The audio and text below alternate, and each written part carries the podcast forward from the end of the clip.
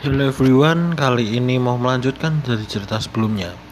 Se segera aku buka sekali pesan dan mataku terju pada salah satu nama di status pesanku, Febrian Rian. Dengan hati yang berdetak ini, kuarakan kursor mouse tepat di nama itu lalu tekan klik. Assalamualaikum Afna, bagaimana kabarnya? Waalaikumsalam Rian, kabarku baik. Ternyata terdapat titik berwarna hijau di samping namanya dan itu artinya dia sedang online. Seketika, seketika itu langsung ada pesan masuk di FB. Semoga selalu ya di sana dan tetap semangat belajarnya ya. Iya, makasih udah nyemangatin. Oh iya, liburan kapan? Masih lama ya? Empat bulan lagi libur kenaikan kelas. Kenapa emang?